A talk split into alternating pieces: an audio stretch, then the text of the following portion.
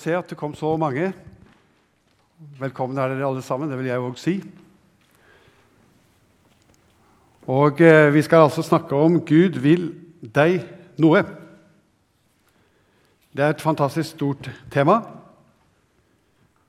Tenk at vi skal få kikke Gud, som er himmelen og jordens skaper, universets herre.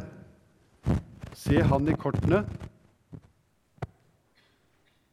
og se noe om hva han vil oss. Er det et eller annet som eh, Skal vi bytte?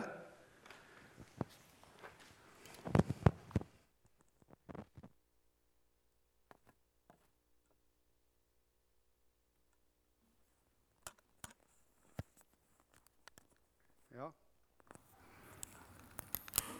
Er den bedre? Er jeg brillene riktig vei? Ja. Det var godt å høre. Jeg sier at Gud vil oss noe, og det er et veldig stort tema. Som er Gud, som er himmelens og jordens skaper, han er universets herre. Å få se han i kortene og se om han vil oss noe, det er egentlig en så stor tanke at det kanskje er litt for ambisiøst. Kanskje det er umulig. Vi? Hvem er vi? Vi er jo bare støv. Men Gud, som er allmektig, og skal vi liksom se hva Han vil med oss?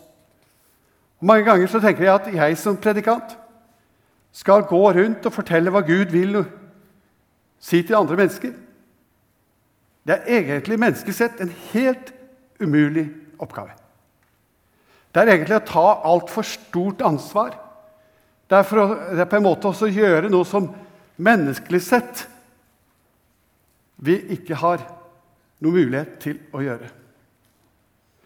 Men Gud, som er så stor, som er allmektig, han er så stor at nettopp han vil ha nærhet kontakt med oss.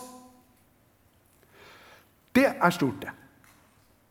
Ikke på grunn av oss, men på grunn av Han. Han vil altså ha kontakt med oss mennesker. Han ønsker å meddele seg til oss.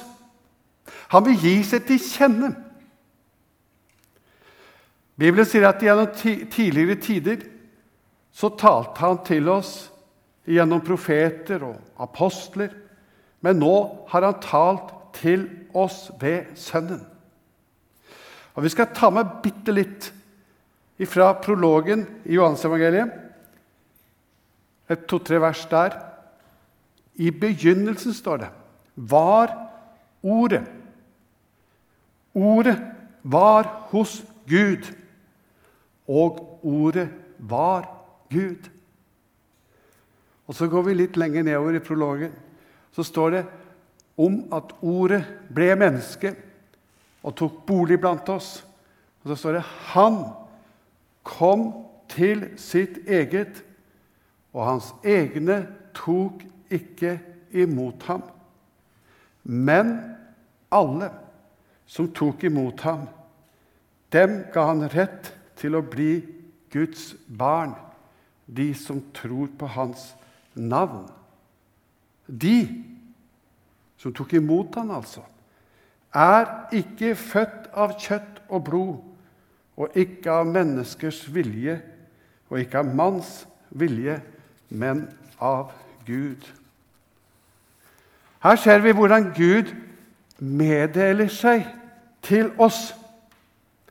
Ordet ble menneske, tok bolig blant oss, det var han som kom til oss. Han vil ha kontakt med oss. Han vil ha en relasjon til oss. Ditt forhold til Gud blir identisk med ditt forhold til Sønnen, til Jesus. Og forholdet til Sønnen får du ja, gjennom forhold til Jesus de, hans ord som vi finner i Bibelen.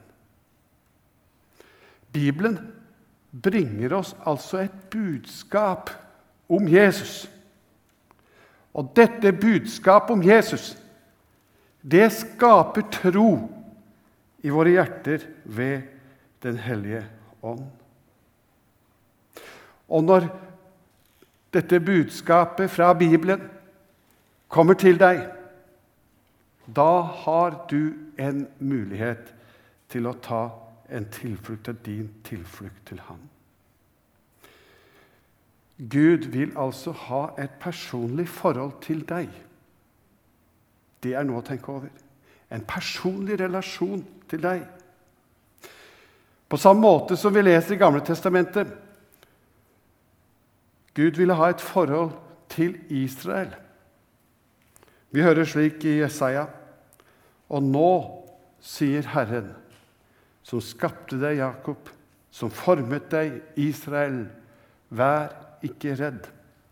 Jeg har løst deg ut, kalt deg ved navn. Du er min. Går du gjennom vann, er jeg med deg. Gjennom elver skal det ikke flomme over deg. Går du gjennom ild, skal det ikke svi deg, og flammen skal ikke brenne deg. For jeg er Herren din Gud, Israels hellige, som frelser deg. Fordi, står det lenger ned, du er dyrebar i mine øyne. Høyt aktet, og jeg elsker deg.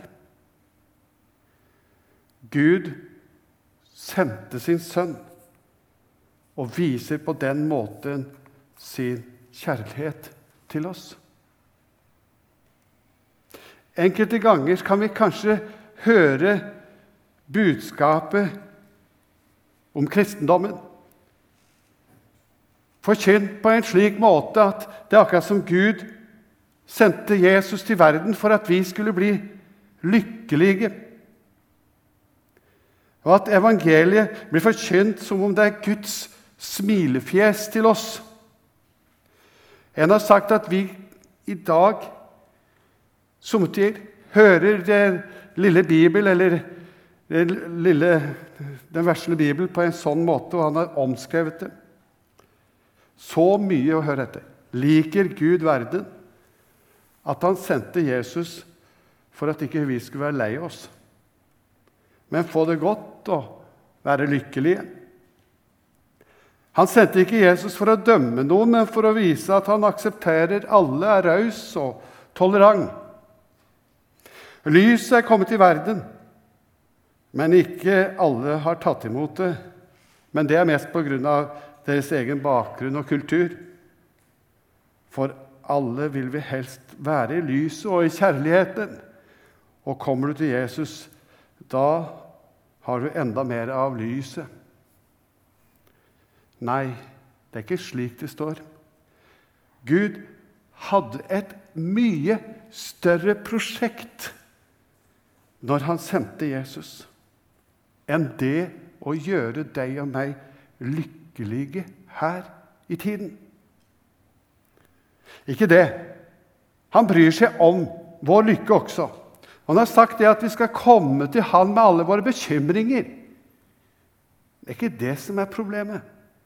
Men han hadde et mye, mye større, en mye større tanke. Et mye større, et mye større prosjekt. Og det lyder slik.: For så høyt har Gud elsket verden, at han ga sin sønn den enbårne for at hver den som tror på ham, skal bli lykkelig? Nei, ikke skal gå fortapt. Ikke skal gå fortapt, men ha evig liv. Guds store prosjekt er altså at du ikke skal gå fortapt. At du skal ha evig liv. Hans vilje er at du skal bli frelst. Det vil han deg. Og det er det han vil meddele oss nå. Han vil si til deg i dag han vil at du skal bli frelst. At du ikke skal gå fortapt. Ikke bare at du har en lykkefølelse noen timer her på jord, men at hele livsprosjektet ditt blir en evighet sammen med ham. Det er Guds store tanke om oss, om deg og meg. Han som vil at alle mennesker skal bli frelst og lære sannheten å kjenne, står det. For Gud er én, og én mellommann er det mellom Gud og mennesker, mennesket Kristus Jesus. Han som ga seg selv som løsepenge for alle. Slik var vitnesbyrdet da tiden var inne. For at dette, denne vilje, denne plan, dette ønsket, denne lidenskap og denne person hos Gud og i Guds hjerte, denne kjærlighet, skulle bli virkeliggjort, så måtte han ofre, sende sønnen sin og frelse deg. Og sønnen, han var mellommann, og han gir sitt liv som en løsepenge, som en betaling, for at Gud skal få sin vilje med deg og meg. Og Så står det videre at Gud kaller oss med navn. Hva betyr det? Jo, jeg sa at Gud vil ha en personlig relasjon til deg. Han vil ha et personlig forhold til deg. Det at han sendte, sendte Jesus, det at han sendte han som en soning for all verdens synd Det var ikke én, eneste en som var glemt da Jesus døde for korset. Men det var ikke nok. Du må ta imot denne gaven. Du må ta imot Jesus som din personlige frelser. Han kaller deg med navn. Han kaller deg nettopp deg fordi han har skapt deg, han elsker deg, han har kjøpt deg, han har gitt Jesus som løsepenge i ditt sted. Du er dyrebar, sier han. I mine øyne høyt aktet, og jeg elsker deg. Dette sier noe om Guds plan og Guds vilje og hva Gud vil med deg. Han vil ha kontakt med deg. Han vil på en måte omfavne deg. Han vil gi deg fred. Han vil være din frelser, din far, og vil gi deg alt du har behov for for å få det evige liv. De aller fleste her er i den alder at de har opplevd det som kalles forelskelse. Det er jo herlig. Det er flott. Men for at det skal bli et forhold, må det gis en respons. En tilbakemelding. Et svar. Det hjelper ikke om du bare er forelsket i Hans Per eller Nils eller hvem det nå blir. Og så ser han ikke den veien i det hele tatt. Han bryr seg ikke i det hele tatt. Han vet ikke om det, kanskje. Gud er glad i deg. Han vil være din. Det har han synt. Han har vist det ved at han sendte Jesus. Det er en så ufattelig kjærlighet at du skjønner ikke. Det er en guddommelig stor kjærlighet. Og så sender han spørsmålet til deg i dag. Han sier igjennom det han har gjort, 'Jeg vil være din'. Og så spør han, 'Vil du bli min?' Vil du ta imot meg? Og Når han sier dette, så kaller han deg ved navn. Han spør om du vil være hans. Dette spørsmålet glemmer vi mange ganger å preke om og stille. Gud kaller oss til omvendelse. Han kaller oss til å vende oss til ham. Og vi, vi, kan lese også det som eh, står i Johannes 20. Jeg har tatt det her med. Der står det Men Maria sto like utenfor graven og gråt. Et mektig avsnitt. Gråtende bøyde hun seg fram og så inn i graven. Da fikk hun se to hvitkledde engler sitte der, Jesu kropp, der hvor Jesu kropp hadde ligget. En ved hodet og en ved føttene. 'Hvorfor gråter du, kvinne?' spurte de. Hun svarte, 'De har tatt Herren min bort, og jeg vet ikke hvor de har lagt ham.' I det samme snudde hun seg og så Jesus stå der, men hun skjønte ikke at det var han. 'Hvorfor gråter du, kvinne?' spør Jesus. 'Hvem leter du etter?' Hun trodde at det var gartneren, og sa til ham, 'Herre, hvis du har tatt ham bort, så si meg hvor du har lagt ham.' Så skal jeg ta ham med meg.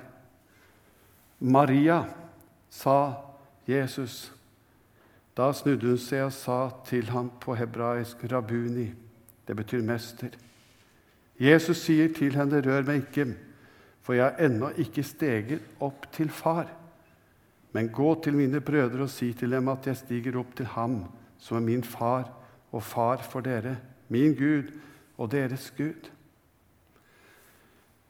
Det var først når Jesus kalte Maria ved hennes navn, at hun virkelig forsto hvem som sto foran henne.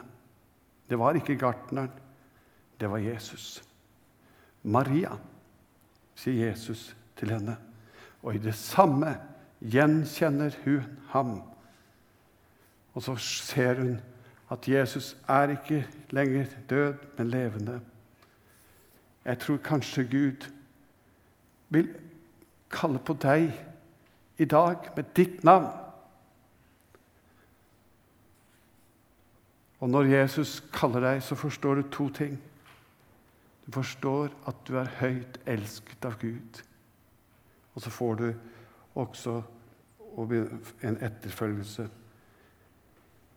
Han kalte israelsfolket. Ja. Han kalte Maria. Ja. Så kaller han deg og vil at du skal følge ham. Du er høyt elsket. Maria måtte snu seg når det ble kalt på. Måtte gi en respons tilbake. Slik med deg òg. Jeg har sittet og hørt på Ole Paus. Nå skal vi høre litt. Kan du spille den sangen? Det er faktisk en god innbydelsessang vi skal høre nå.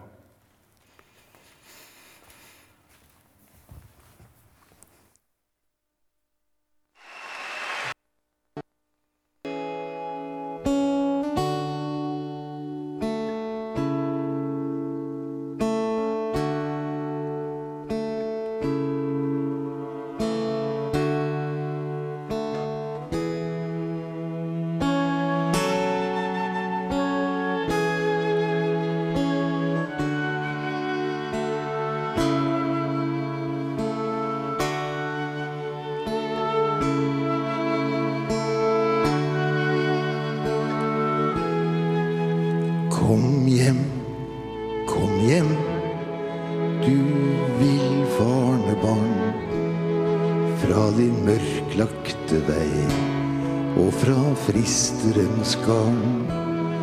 Du villfarne barn, du villfarne barn.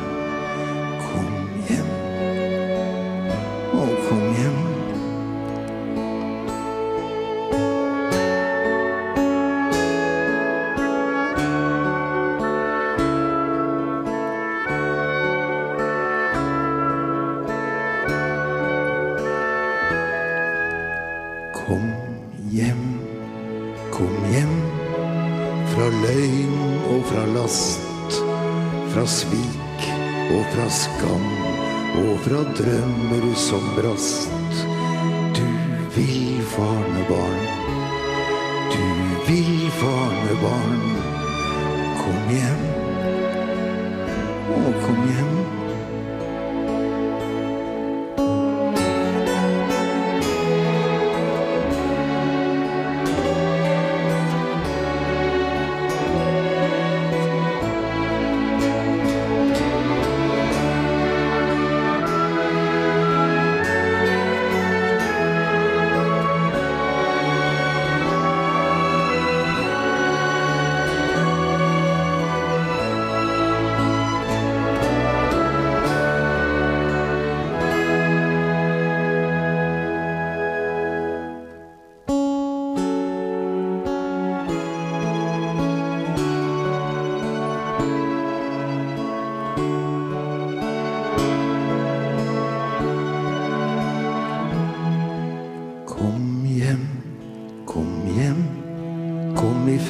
Frelserens favn.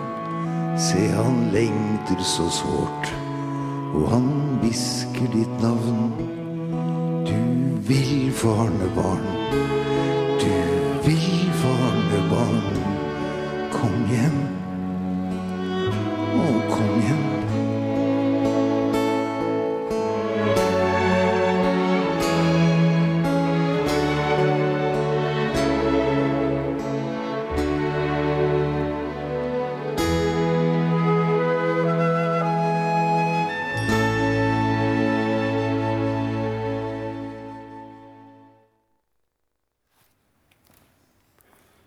Ja, jeg håper at vi alle sammen skjønner at Gud vil oss noe.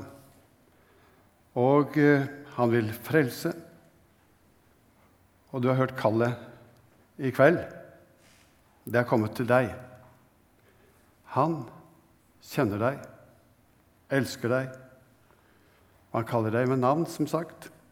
Ikke først og fremst for at du skal ha lykke og fremgang, suksess og velstand. Men han kaller til noe større, noe som er viktigere. Bort fra fortapelsens vei og inn på evighetens vei. Han kaller deg i kveld. Du er velkommen. Vi skal etterpå ha nadvær. Og du kan gå til forbønn under nattværen. Du kan søke hjelp hos en sjelesørger.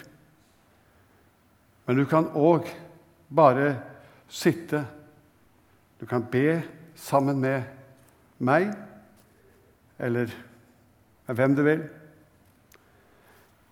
Og jeg har lyst til å be sammen med kong David nå, og føler at det er en bønn som på mange måter er viktig for oss.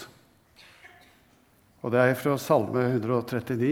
De siste versene der står det:" Ransak meg, Gud, og kjenn mitt hjerte, og prøv meg, og kjenn mine tanker.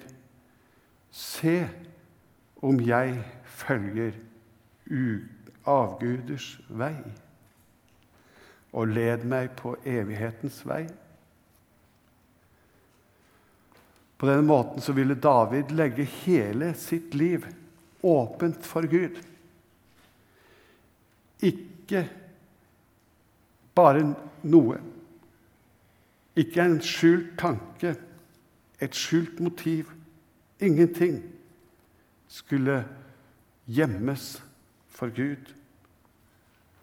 Ransak meg, sa han, og led meg. Nå skal vi be sammen. Kjære Herre, vi vil gjerne få komme til deg nå. Og jeg vil takke deg for at du vil ha kontakt med oss og vil oss noe. Du kjenner oss alle sammen, og du vet hvordan denne sommeren har vært. Du vet, Jesus, om det er eh, slik at eh, det er noen som har kommet på avstand fra deg. Nå ber jeg om at du, Herre Jesus, må med din ånd få komme oss så nær at du får dra oss inn til deg igjen, og at vi må gi respons tilbake. Herre Jesus, må du ransake oss og prøve oss og se om vi er på avgudens vei. Og Jesus, om du skulle se det, kunne du kalle oss på nytt igjen og dra oss inn til deg i fornyelse og vekkelse. Jeg ber om at det, Jesus, må bli noe som følger oss nå. At vi får lov til å leve tett inntil deg. At du får bruke oss, at du får fornye oss. Velsign hver enkelt en som er i denne salen i kveld. Du kjenner hvordan de har hver enkelt Jesus. Vi legger det, jeg legger dem nå i dine hender. Amen.